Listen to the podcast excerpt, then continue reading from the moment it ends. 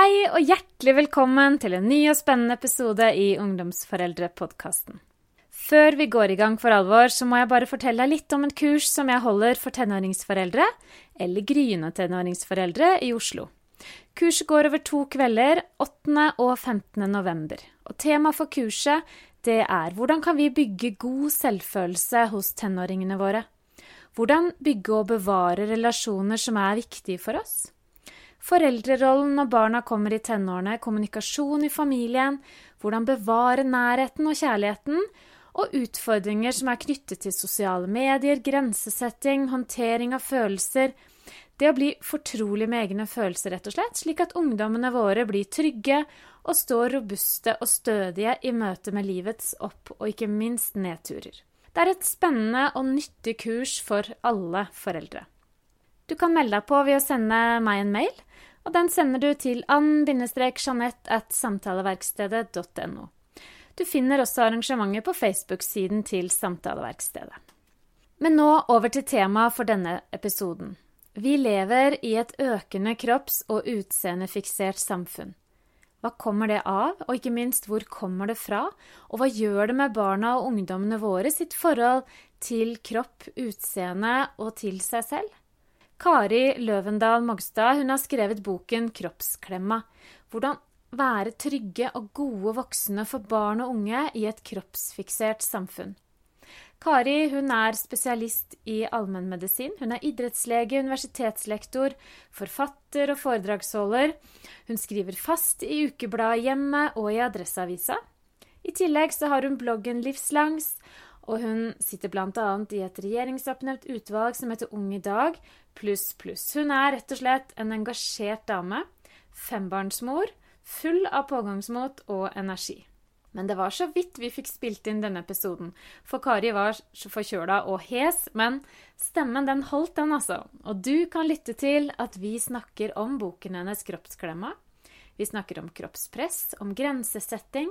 Skal vi stole på barna? Eller er det behov for at vi snoker i mobilen deres og sørger for å ha full oversikt? Kari beskriver så fint i boken sin barn og unge nå som digitale innfødte, mens vi foreldre, vi er digitale innvandrere. Vi har måttet lære oss et nytt språk, vi har måttet bli kjent med kulturen, mens de, de er født inn i det. Og vi er første generasjon foreldre som forholder oss til dette, og barna våre, ja, de er første generasjon som vokser opp med dette. Det er upløyd mark, og vi må gå den opp sammen. Jeg sier bare god lytt.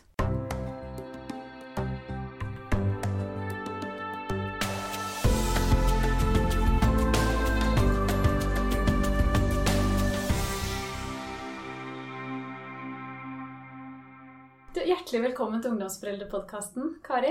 Tusen takk. Jeg har gledet meg til å treffe deg og snakke med deg etter å ha lest boken din 'Kroppsklemma'.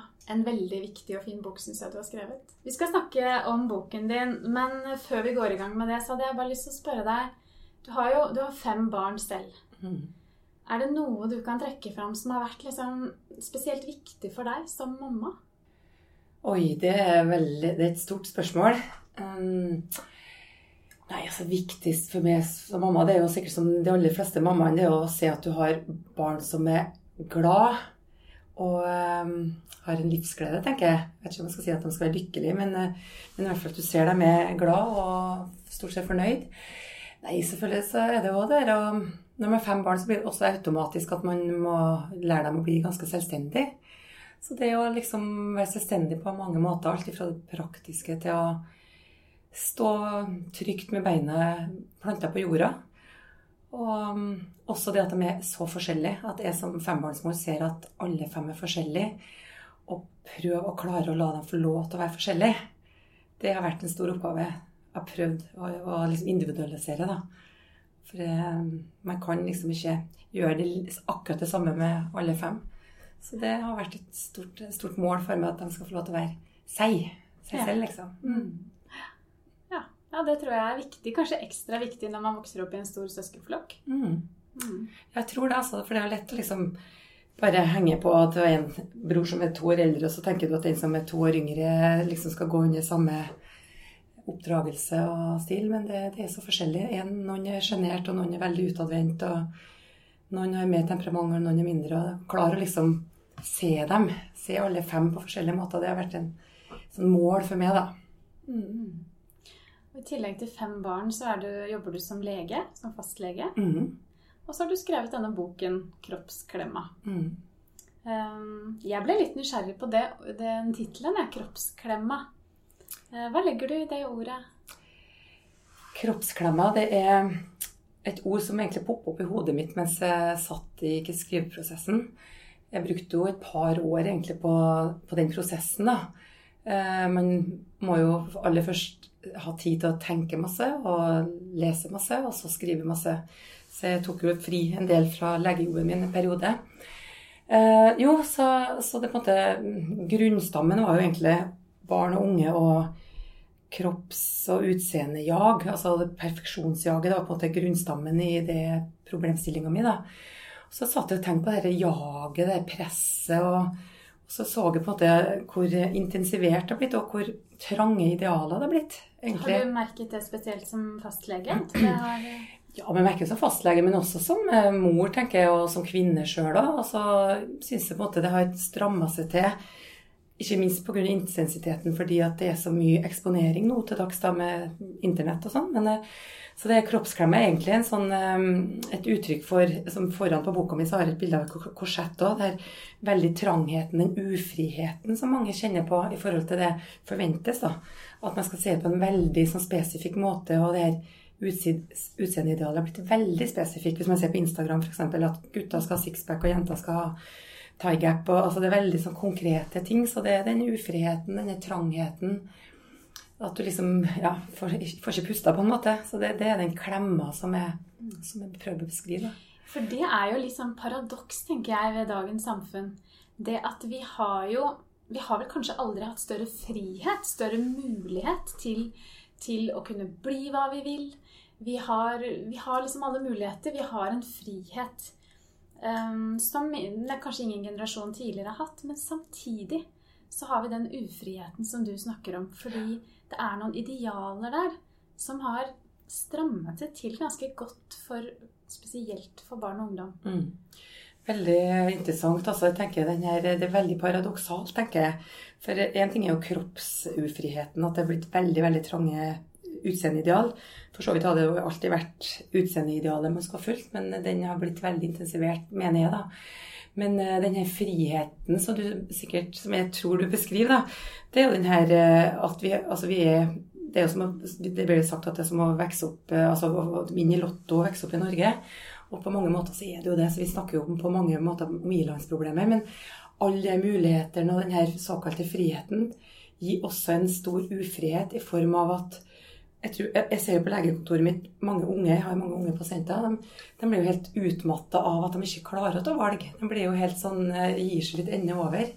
Fordi de nettopp ikke er så opplært til å prioritere og ta valg. For de hele tida fått hørt at du har alle muligheter, du kan bli hva du vil.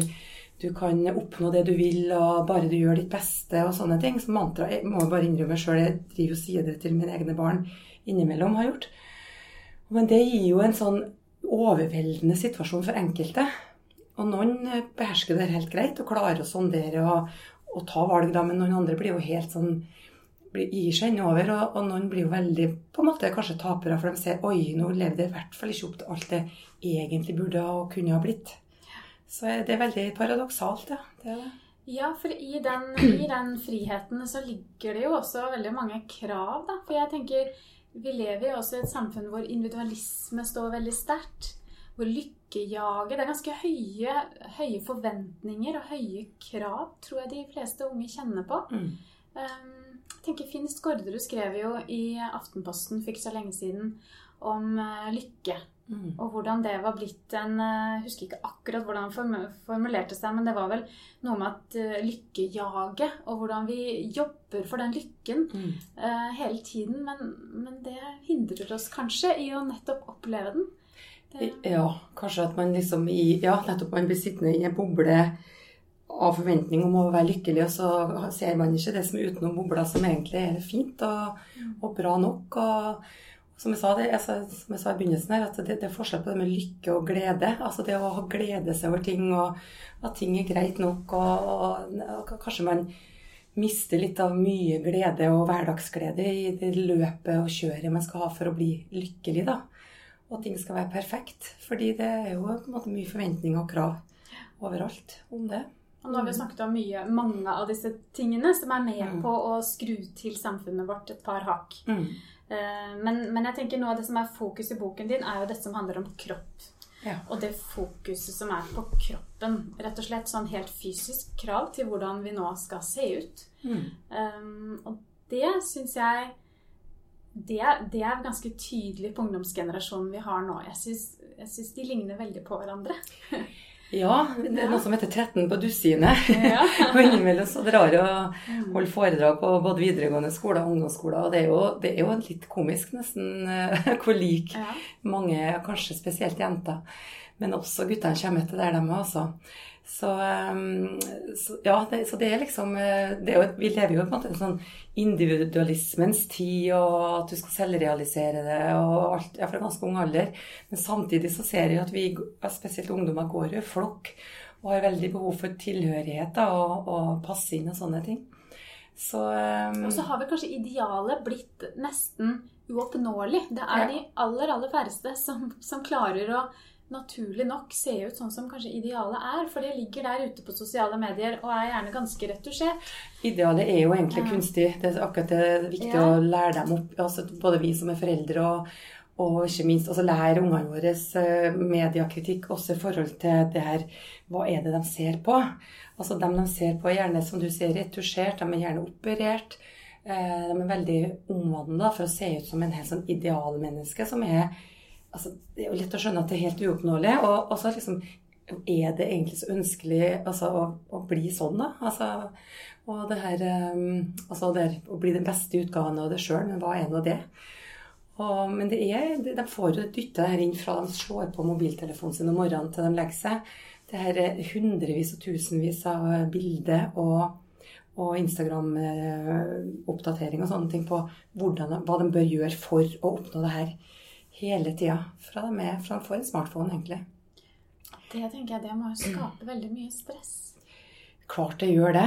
Eh, noen klarer seg jo kjempegodt. De, eh, vi kaller det å internalisere idealer. Da. At noen de internaliserer det i form av at de ser på ting, og så tar de det til seg som sitt behov eller ønske, da, mens andre klarer å se på et bilde eller se på noen såkalte forbilder og bare liksom eh, Ja, si puff, puff, liksom. Altså, de får bare holde på. Men jeg, er jo meg. Men det er, det er veldig mange altså, Ungdomstida og tenåringstida er jo en tid der du er utrolig usikker. Og det er en tid der du, skal, du virkelig skal drive med ombygging i både hode og kropp og skal få lov til å finne litt ut av det sjøl. Både hvem du er som person, og, ja, og kroppen vokser og utvikler seg. Og så blir du så fortalt hele tida. Så kommer det på sidelinje fra sidelinje med oss foreldre som har forventninger om de skal gjøre det så godt de kan på skolen, og så er det press på, på skolen. og så jeg syns jeg ser på legekontoret altså det er mange såkalt De er så flinke, altså såkalt flinke ungdommer, men de, de skal prestere på alle fronter. Og de, hvis de ikke får noen korreksjoner og noe hjelp til å hvile seg litt da, og bare gi litt F, for å si rett ut, så blir det utrolig mye stress og det blir mye uhelse av det. da. Ja, og konsekvensene ser vi vel da mye i ungdom som får f.eks. spiseforstyrrelser. Det er jo én ting. ikke sant? Spise, jeg bruker å holde matforstyrrelse eller spiseforstyrrelser, så det er alle mulige grader av det. Og det er det mange som har. Eh, vi, I Norge så er det faktisk veldig dårlige statistikker, på, oppdaterte statistikker på spesielt med spiseforstyrrelser, som kliniske spiseforstyrrelser. Så vi vet egentlig ikke omfanget. Det var veldig overraskende det med bokprosjektet mitt. De er 20 år gamle, de siste forekomststudiene på, på reelle spiseforstyrrelser. Men det er jo mye som tyder på at det er økninger. Eh, F.eks. overspisningslidelser. Så er det en ny som heter ortoreksi, at du både skal trene veldig riktig og mye, og spise veldig riktig. Og alt skal være så riktig. Er flinke pikene. um, eh, så det vet, men så tenker jeg det med matforstyrrelse, det går jo gjerne opp i generasjonen over òg. Oss foreldre at vi er veldig opptatt av å spise rent og naturlig og lite nok. og og være, altså holde oss fit og slank sjøl også. Og det er mye diettprat og det er mye rundt bordet da, som også selvfølgelig påvirker barna våre. For det er en kulturell sak, og det er mye bra med det å være sunn. Men liksom når er det når er det det går over til å, til å bli usunn, på en måte? da? Selv om det er godt ment. Ja, for jeg tenker jo at vi som er foreldre eller voksne, vi er jo forbilder. Og hva, hvilke, hva slags forhold vi har til kropp og mat. Jeg tenker jo at vi har ganske stor påvirkning. Vi har jo det. Mm. Så det å, det å ha et bevisst forhold til det selv um, jeg tenker vi er, det, er ikke, det er ikke så troverdig hvis jeg sier til mine døtre at uh, du er fin akkurat sånn som du er, men så finner jeg feil ved meg selv hele Mm. tiden og Mm. snakker om det, så blir jeg ikke så troverdig. Vi må rett og slett leve litt i det at vi også må bli fornøyd med oss selv, kanskje. Det er masse, masse. Og det er jo helt naturlig å kjenne en viss misnøye med seg sjøl, eller eller liksom, ja, også ta seg sammen for å si det sånn innimellom kanskje begynne å trene litt mer og spise litt mindre og sånne ting. Og jeg er jo fastlege, så jeg sitter jo og snakker med mye folk om det. Så det er absolutt det, altså Overvekstepidemien vet vi jo er i Norge og sånn. Men det er liksom hvor, hvor er det du snakker om de tingene her? Hvordan snakker du om dem? Er det barn til stede? Sitter du liksom og dissekerer maten i karbohydrat, fett og protein annenhver dag? Eh, hvordan er det vi snakker om mat? Hvordan snakker vi om folk vi ser på TV? Og ikke minst, hvordan snakker vi om oss sjøl som mor eller som far? For det er utrolig sterkt hvordan det påvirker våre døtre og også sønner. da. Såkalt fat talk, er noe som heter. Og det er liksom at man står og kommentere seg sjøl i speilet, f.eks. som mamma, da, hvis man skal ha på seg kjole som er litt trang, og 'huff a meg, nei, nå må jeg gå ned tre kilo'. Liksom det der praten der gjør vi veldig, veldig mye av. Og det tror vi gjør de aller fleste av oss. Men det er liksom kanskje å ta et steg tilbake og tenke gjennom hvordan vi prater om også vår egen kropp. Og, og det er lov å være misfornøyd, men prøv kanskje ikke si det så mye som barn hører på, i hvert fall. Mm. Ja, for det er klart. Jeg tenker jo at ja, ungdommene, barn og ungdommene våre utsettes for oss for et press, men det gjør jo vi, vi voksne også. Vet du, Vi gjør det. Vi gjør det i veldig stor grad. Og også vi er jo på sosiale medier og, og bare ja, om det er ukeblad eller TV, så, så det, Og det med sammenligning er jo helt menneskelig. Det er jo Sånn har det alltid vært. Men nå er det så utrolig mange sammenligninger som er hele tiden. Og det er liksom som om Kim Kardashian har blitt nesten bekjentskapet vårt. For vi ser jo på, på nettet hele tida. Altså det, sånn, det blir veldig sånn flytende, da. Så det er veldig lett å identifisere seg med også dem som før var enda mye mer uoppnåelige, på en måte, kanskje. Og da blir kanskje misnøyen større da, når vi har så utrolig mange å sammenligne oss med. Ja, for mens vi, når vi vokste opp, så, så kunne vi sammenligne oss med de som vi hadde i vår nærmeste krets på skolen Mm, og mm. på, i nærmiljøet. Men det er klart, nå har den og får det i hele verden. Mm. Eh, inn på Ja. telefonen sin. Man gjør det.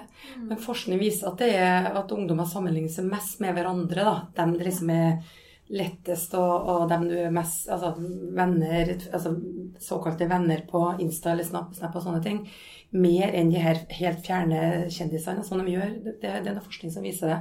Ja, det er godt å høre. Ja. Ja. Men, men da er det viktig at vi snakker med våre tenåringsjenter, og, eller gutter for så vidt, og hva de også legger ut, da, og hvor mye de retusjerer og photoshopper før de legger ut ting, for vi vet at de driver og sammenligner seg med hverandre. Så blir det kanskje verre å komme ut i hverdagen og hvis du har retusjert masse, og så kommer du og «Å, er sånn du ser ut? ikke sant? Altså, så hvor blir det av det her naturligheten og det her å ja, slappe litt mer av? Og jeg tenker det er jo ikke hvordan nesen ser ut eller midja ser ut som, som egentlig teller på hvilken god venn du er. Og Snakk litt med ungene våre om det. at Hva er det egentlig du verdsetter med venninna di, og hva er det som gjør at du er glad i henne, eller den dagen du kommer og har det vanskelig, liksom, er det da at utseendet hennes som er viktig, eller er det liksom hvordan hun er som medmenneske? Og der er det vi, vi foreldre er nødt til å prate om. Hva er det vi verdsetter som foreldre, men ikke minst også Jeg prøver å løfte opp det her samfunnsanliggende. For det er et stort ansvar for oss foreldre, selv om vi må ta masse ansvar, vi også. Vi kan ikke bare hvile på skole eller samfunn. Men, men hvilke verdier er samfunnet vårt egentlig speiler når det her er blitt så viktig? Det, det syns jeg det er på politiker- og samfunnsnivå, da. At vi må utfordre, utfordre oss alle. Ja, på alle nivåer, egentlig. Alle nivåer. Men jeg tenker det er utrolig viktig det du sier, det med at vi må snakke med de om det. Mm, For det, det er vel det vi som foreldre kan gjøre, egentlig. mm, Det å våge å gå inn i alle disse temaene, og det vet jeg det er mange som kvier seg for. Ja, det er, det er mange som kvier seg for det. Jeg tror mange tror at de har så lite å komme med, eller at denne utviklinga med Snapchat og Instagram og nudes og dickpics og alt det der altså, Du hører om så mye rart og sånn på nettet og sånn at de, her, de gruer seg til å nærme seg det. For det, det høres så overveldende ut og så skummelt ut. og og kleint ut, selvfølgelig òg. Altså, det er kleint, og det er vanskelig. Det kan være veldig pinlig på en måte for mange foreldre til å begynne å snakke om alt fra porno til kropp til, til skambelagte tema. da. Så merker man jo ofte at det er jo ikke så skummelt som man tror, hvis man, eh, hvis man våger. Eh, men selvfølgelig kan det være kleint å snakke med tenåringen sin om sånne ting. Men det er derfor det er i hvert fall viktig å starte tidlig nok, tenker jeg. Ja, for det skriver du litt om i mm. boken din. Mm. At det er lurt å begynne mellom 8 og 12 år, er ikke det du skriver? Ja, den tweens-alderen er en sånn ja. gylden alder. Eh, det er ikke bare jeg som sier det, da. Men da er de veldig åpne før de blir for blyge. Og det er veldig individuelt, det vet jo vi som har barn. Men det er lettere å få innpass. Så hvis man på en måte møter dem, hvis de sier noen ting om, spør om sex eller et eller annet med åtte-ni år, da, det er lettere å snakke med dem kanskje da. Og så er det kanskje lettere å fortsette hvis du da har tort og vært litt proaktiv. I den alderen så er det kanskje lettere å, for dem å skjønne at det her går an å komme til mamma og pappa med. For det har jeg jo snakka med dem om før. Ja, Det tror jeg er så viktig, for da har vi mm. åpna den døra. Altså, så har vi sagt at dette her tåler jeg å snakke om. Det tåler jeg å snakke om. Ja. Mm. Og det tror jeg er kjempeviktig. Og jeg har eh, også satt meg ned i sofaen med mine tenåringer, unge tenåringer, jeg vet at de sitter og ser på det Paradise Hotel og sånne ting, i stedet for bare å si fy for herregud, æsj og sånn. Sett meg ned, og de syns jo det er kleint, men liksom å bli med litt og sitte og Og så det har fungert ganske fint, egentlig. Og så har vi ledd litt også, men de vet Jeg trenger ikke å se det sammen med dem heller, men at jeg sier at jeg har sett på det, og at jeg vet liksom hva greia er der. og så det å være litt med på deres arena uten å snoke, og uten å bli veldig klein, da så vet de at vi er, skjønner litt hva som det her dreier seg om. Og også det nå, jeg kan jo nevne bare en veldig aktuell episode, blikking-saken på Hersleb skole. I forhold til at eh, store slåsskamper.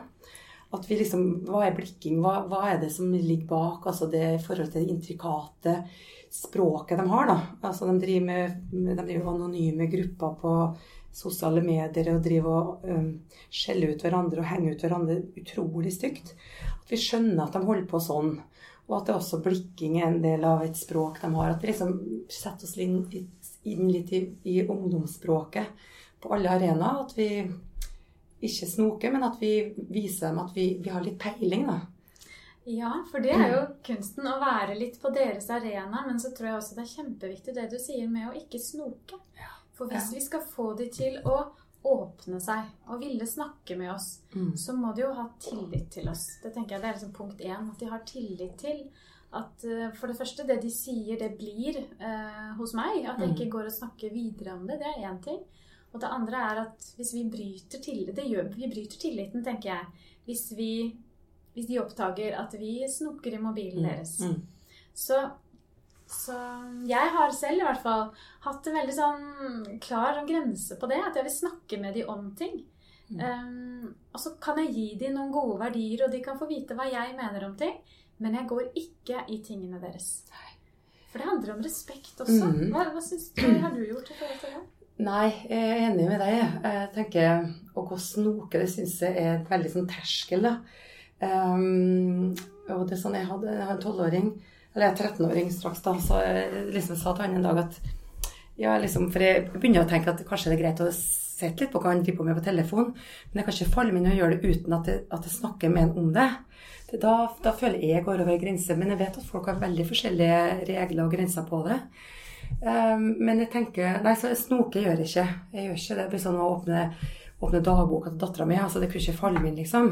Men så har lyst til å vise meg noe en helt annen. Og jeg håper jo hun har lyst å vise mitt land eller å fortelle. Og i bokprosjektet mitt så var det jo sånn at jeg var veldig proaktiv i forhold til å spørre dem om hvordan anonyme sider er de på, hva driver de med og sånn. og og jeg merka det at jo mer jeg satte inn i ting, jo mer kom de og fortalte meg at det her kan du følge med mamma, tenåringsgutten min. Jeg følger med på den fitness-sida her. Og jeg skriver jo litt om, om proteinpulver og shaker og det her energidrikker og alt mot doping. da.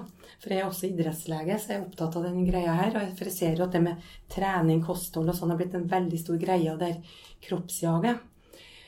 Så da ser jeg han jo kom liksom og ja, mamma, følg med den her, og hva tror du, mamma, at den her doper seg, liksom? Og da fikk vi en god dialog på at jeg kunne fortelle sønnen min på ja, vet du, det han her tror jeg doper seg. Og så fikk han kanskje et mer realistisk forhold til de her Insta-kontoene jeg fulgte selv. Og, så det Nei, vi må, være, vi må være på, men uten å snoke med ned, da. Ja, jeg syns du beskriver det så fint i boken din at, at eh, barn og ungdom nå, de er digitalt de er digitale innfødte. Ja. Mens vi, foreldregenerasjonen, vi er digitale innvandrere. Mm. Og det er noe med at um, da må vi kanskje lære oss et nytt språk. Vi må kanskje ja, spørre de om råd. Mm. Og så må vi også bli kjent med den verden, de, det landet de lever i der ute. For hvis ikke så mister vi kommunikasjonen med de, rett og slett. Mm. Det er så viktig. Jeg tenker, eh, For å si det litt sånn brutalt, så tenker jeg for å være oppdatert og hermetegn gode foreldre av 2018, så tror jeg vi er nødt til å sette oss mye mer inn i, i, internett og sosiale medier enn mange av oss gjør. da. Fordi at de lever så store deler av livet sitt der. Og det du sier med at vi er innvandrere, jeg føler jo vi kommer fra en helt annen planet innimellom. Altså. Det jo, og det skjer så fort. Altså det, det, er så store endringer. Og jeg prøvde jo også der å se på forskning, men det er jo, det er så, ting har skjedd så fort. Og det er 2007-2008 at Facebook ble etablert, liksom. Og så kom alle de andre etterpå. Så det her er jo kjempenytt og upløyd mark. Så vi kan jo si at vi er ukjent i det, men jammen våre barn og unge er også helt ny i det her. Så jeg tenker at vi har ingen mor eller tanter eller fedre å spørre til råds. Alle vi kan gjøre om kosthold, eller vi kan gjøre om ja, andre gode råd vi kan spørre foreldrene våre om, men her vi har jo ingen å spørre. Så vi går veien opp sammen med barna våre, tenker, og det, det gjør at det er enda viktigere å, å, engasjere oss og sette oss inn i det så godt vi kan for å være best mulig veiledere. Så ikke så kan det gå ganske gærent innimellom. Men altså, jeg tror også det går veldig bra.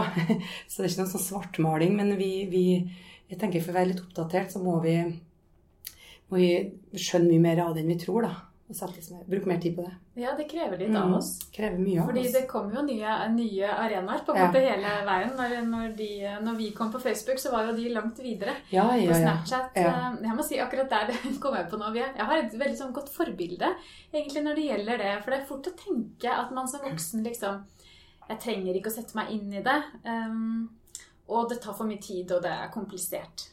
Men mine barn har en oldemor. Hun er 95 år. Hun kan nesten ikke se, men hun er på Facebook og hun er på Instagram. Og hun liker og hun kommenterer innlegg til barna mine. Fantastisk. Hun har rett og slett tatt den jobben med å sette seg inn i det. Det gir henne en unik kommunikasjon med barna som bor på den andre siden av landet. Men hun er til stede i deres liv ved at hun bruker det som en kanal. Og det er for meg et veldig sånn forbilde at det går faktisk an. Ja, ja fantastisk, det, da. Det er jo helt utrolig. Så det synes jeg ja. Det viser at det går an. Det går an. Mm. Så eh, det, nei, det tenker jeg er viktig, et viktig råd, egentlig, der. Og, og jeg har brukt liksom mine barn uten å snoke, så brukt liksom hvilke anbefalinger de har til å følge ditt og datt. Og så gjør det at jeg til en viss grad kan skjønne litt om hva de har vært opptatt av, og sånne ting, og er opptatt av. da. Mm. For den kampen mot det, den vil vi nå, den vil vi ikke vinne. Vi kan ikke stenge sosiale medier eller noe som helst, og det tenker jeg det er ikke det det dreier seg om, for det er så mye positivt og flott med det. Men det er det der å lære dem kritisk som sagt, mediebruk på alle, alle måter. Og det der å, å, å ja, bruke det riktig på en måte, da. Og det er som sagt ingen av oss som kanskje vet hvordan det ser ut hvis vi kikker tilbake om 30 år, da. Men, eh, men menneske er menneske uansett. Og også tenker bruken i forhold til kvantum er noe, da. I forhold til det her eh, at det er så mange som er så utrolig mye på nett og på brett og, og sånne ting. Og jeg er som lege også veldig opptatt av søvn, blant annet. Og vi vet jo at det er mange som ikke har noe mye regler hjemme på det å hvile seg og, og legge bort enten nettbrett eller mobilen på natta og få nok søvn. Og der tenker jeg vi må være litt kjipe foreldre innimellom med oss og, og sette grenser og, og, være, og, og tåle å være upopulær, da. Og, det er jo bare ren, renspikka helse, det der å få nok søvn. For norske ungdommer i dag, de, eh, ifølge forskning fra Bergen, så sover de to timer for lite hver natt. Og det sier seg sjøl at det er altfor eh, stor mangel, da. Og det gjør noe både med psykisk helse, fysisk helse, prestasjoner på skolen, altså velvære livsmestring, som det kalles så mye nå. Altså det er avhengig av søvn. Og, det, der må vi Det går på samme greiene egentlig med sosiale medier. og Det blir jo litt avhengig av å sjekke siste oppdatering og sende en snap. De, de driver på sånn hele natta og spiller kanskje, hvis ikke vi er med og setter litt grenser. Mm. Ja, for en ting er at vi kan lære av de på sosiale medier, og vi kan, um, vi kan sette oss inn i det og sånn, men det er klart at vår oppgave som foreldre er jo å gi gode rammer. Mm. Og, da, og ikke minst innarbeide gode vaner i bruken av det. Ja. Um, du skriver jo så fint i boken din om hvordan dere har uh, f.eks. ikke mobilen med til middag. Nei. At det blir en sånn stund hvor man mm. Automatisk legge bort den. Ja, Det får vi stort sett til. eh, altså måltida prøver så godt vi kan, i hvert fall. Og stort sett så får vi til det å, å ha mobilfritt eh, under måltida. Eh, og det er utrolig viktig, tenker jeg. Altså, eller viktig for oss i hvert fall. Og, for det er noe med å kunne se hverandre i øynene litt og, og ta liksom, øynene litt opp. Og det å spørre hva du har hatt i dag. Eh, og, og, men også på natta tenker jeg å ha litt regler der, tenker jeg, da er litt ålreit. I hvert fall frem til de er til en viss alder. Eh, det er ikke så mye som skal til hvis man bare står på litt og forklarer dem at du trenger søvn. Og så blir de litt vant. Er litt alle de mobilfrie skoler og sånne ting. At de syns det er godt å hvile seg, dem òg. Og faktisk ålreit med å ha en prat face to face. Så det er ålreit. Og så må, tenker jeg, som du sier, vi foreldre vi må tåle å stå i det ubehaget som det er. For det blir jo gjerne litt motstand når vi setter grenser. Ja, det er jo som sikkert vi sa når vi var små, at alle andre får, og dere er det mest strenge foreldre som finnes, og det er vi vel vant til å høre, på en måte. Men det må vi tåle. Og ja, vi må tåle å stå i og være upopulær. Altså, det er jo utrolig flott med å være dagens foreldre der vi er godt likt av barna våre, for vi er moderne foreldre, vi er ungdommelige og sånne ting. Men klart det gjør òg da at det er litt mer kjipt å være, å være kjip, da. Den dagen vi skal sette grenser. Men de vil ha grenser. Og det er kanskje litt mangel på på andre arenaer i livet liksom, hos ungdommen nå, med litt mer utflytende på mange. Det, det er så intensivert, og da er det kanskje litt godt å få litt rammer da, som vi må være med å gi dem. Mm. For det gir trygghet? Det gir en veldig trygghet. Mm. Det gjør det, og det, det, viser seg at de, de, de vil ha det. det. De blir fornøyd med det etter hvert. Ja, De trenger trygghet, og så trenger de kjærlighet. Ja. Det siste, eller kapittel åtte, den siste delen av boken din, mm. så, så, Den heter 'Foreldre for livet'. Mm. Her syns jeg du har veldig mange sånn gode råd til foreldre. Um, og så åpner du med dette sitatet fra Astrid Lindgren som gir barna, kjære, gi barna kjærlighet, og enda mer kjærlighet, og så kommer folkevettet av seg selv. Mm. Um, det er i hvert fall noe de trenger. De trenger masse kjærlighet og trygghet og omsorg. Mm. Selv om de blir tenåringer. Ja, og, ikke, og, det er så godt du sier. Fordi det er nok ganske mange som liksom opp til ungdomsskolealder eller til de blir tenåringer, så er vi veldig på, og samfunnet er veldig på. Og så plutselig så blir det liksom mye mer ja, færre møteplasser, kan du si, med skole, med andre foreldre og sånne ting. Men jammen da trenger de virkelig at vi foreldre er også i kontakt med hverandre. Og jeg blir jo innimellom litt kjip mor når jeg sier at ja, men jeg vil gjerne ringe til hun mora der eller faren der og høre Det er ikke at jeg mistror det, men jeg vil gjerne snakke med dem om, hvordan avtalen var, om du skal overnatte og sånne ting. At vi, at vi liksom har litt kontakt, for det føler de seg trygge med egentlig. Så det, vi må ikke slutte å være sånn aktive foreldre selv om de blir både 15 og 16, da tenker jeg altså. Hører jo noe med altså videregående elever sliter masse også med ting. og så vi, vi, er, vi, er, foreldre veldig mye lenger enn vi kanskje tenker i, for, i form av den omsorgsbiten. da. Mm. Ja, for selv om de har lært seg å ta bussen og de kan lage seg mat selv, mm. og de er blitt selvstendige på mange mm. måter, så, så, trenger de jo oss egentlig nesten mer enn noen gang, sier jeg, ja, ja. i tenårene. For ja. da balanserer de mellom barndommen og voksenlivet, og det er ganske krevende å stå der. Eh, på, I den balanseøvelsen som egentlig det er, da, tenker jeg. Veldig, veldig. Mm. Mange kjenner veldig på den. Så der må vi være Ja, jeg tror vi må være mer på enn kanskje mange tror, og mange er, da. Mm. At vi må ikke slippe det her taket. Eh, det var noe hva heter det, eh, Mia Børjesson, hun var sosiolog, skrev en bok eh, og sammenlignet sammenligner med at vi er et sånt flygetårn. At de skal på en måte ut og fly, men vi må være i flygetårnet på en måte og hjelpe dem både å lande og, og fly og holde kursen. Så jeg syns det er en god, god beskrivelse. Ja, hun beskriver jo også sier at foreldre må se på seg selv som reiseledere, på en måte. Ja, ja. Og også som piloter. ja det er mange, det er mange metaforer her, altså. Ja, men, eh, men det, er, det, er, mye godt med de beskrivelsene hennes. Ja, det, mm. For etter hvert så kommer de fram i cockpit. De gjør det. Og så øvelseskjører de, så sitter de der sammen, og så etter hvert så skal de overta. Ja. For målet vårt er jo at de skal bli robuste, at de skal takle livet, rett og slett. Og det, nettopp det tror jeg er litt viktig at vi, vi fra tidlig av liksom eh, lærer dem eh, å takle motgang. Da. For at vi vil så gjerne at barna våre skal slippe smerte. Vi vil at de skal slippe ubehag og vonde situasjoner og sånne ting. Og vi er jo skikkelig sånn eh, Hva kalles det? Sånn ja, løvemammaer, da. Eller veldig å ta i grep og omsorg for dem hvis vi merker at de har det vanskelig eller vondt. Og vi vil jo helst ikke at de har det vondt. Men, men det, det, trenger jo ikke være farlig å ha det vondt. Men da må vi være med dem mens de har det vondt. Eh, enten det går på sosialt, at de er utafor vennemessig, eller at de blir større og får dårlige karakterer, eller at de ja, har det vondt, kjærlighetssorg eller whatever. Liksom, at vi er der når de er har det tøft, og lærer dem å bli robust. At det ikke er farlig å ha det vanskelig. At ikke det skal forveksles med at nå har jeg psykisk sykdom, eller at, at nå går alt på, på ad undas, liksom. Jeg tror det er ganske mange kanskje som liksom blir pusha og veldig godt ment med at alt skal liksom være bare gå oppover.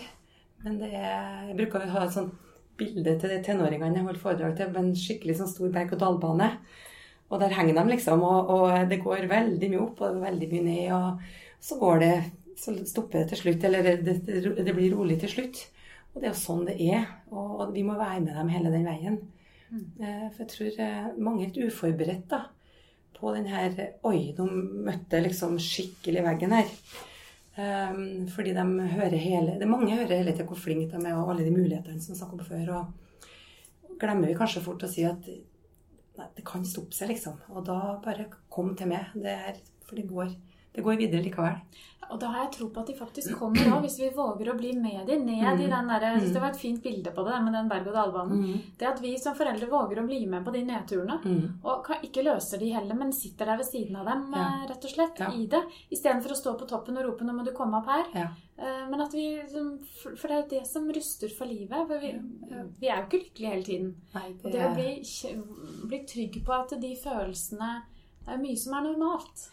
Veldig mye som er normalt. Og det er i hvert fall normalt å føle seg både deppa og være veldig stressa og ha det vanskelig og vondt. Uh, og det er helt normalt, og sånn skal det jo bli. Og vi vil jo at de skal bli robust. Men da må vi, vi snakke med om at det er helt vanlig, men at vi må på en måte trygge dem og være med dem. Og ikke ordne opp for dem hele tida. Ikke liksom gå på skolen og liksom ordne opp for dem, kanskje, men være med dem og prøve å klare opp i det. og og lære dem å kjenne på det. Og så støtt dem. Mm. Dette kommer til å gå over.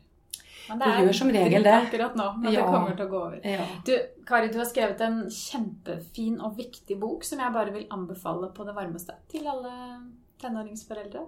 Tusen hjertelig takk for det, altså. Takk for at du vil være gjest her i Ungdomsforeldrepodkasten. Takk i like måte.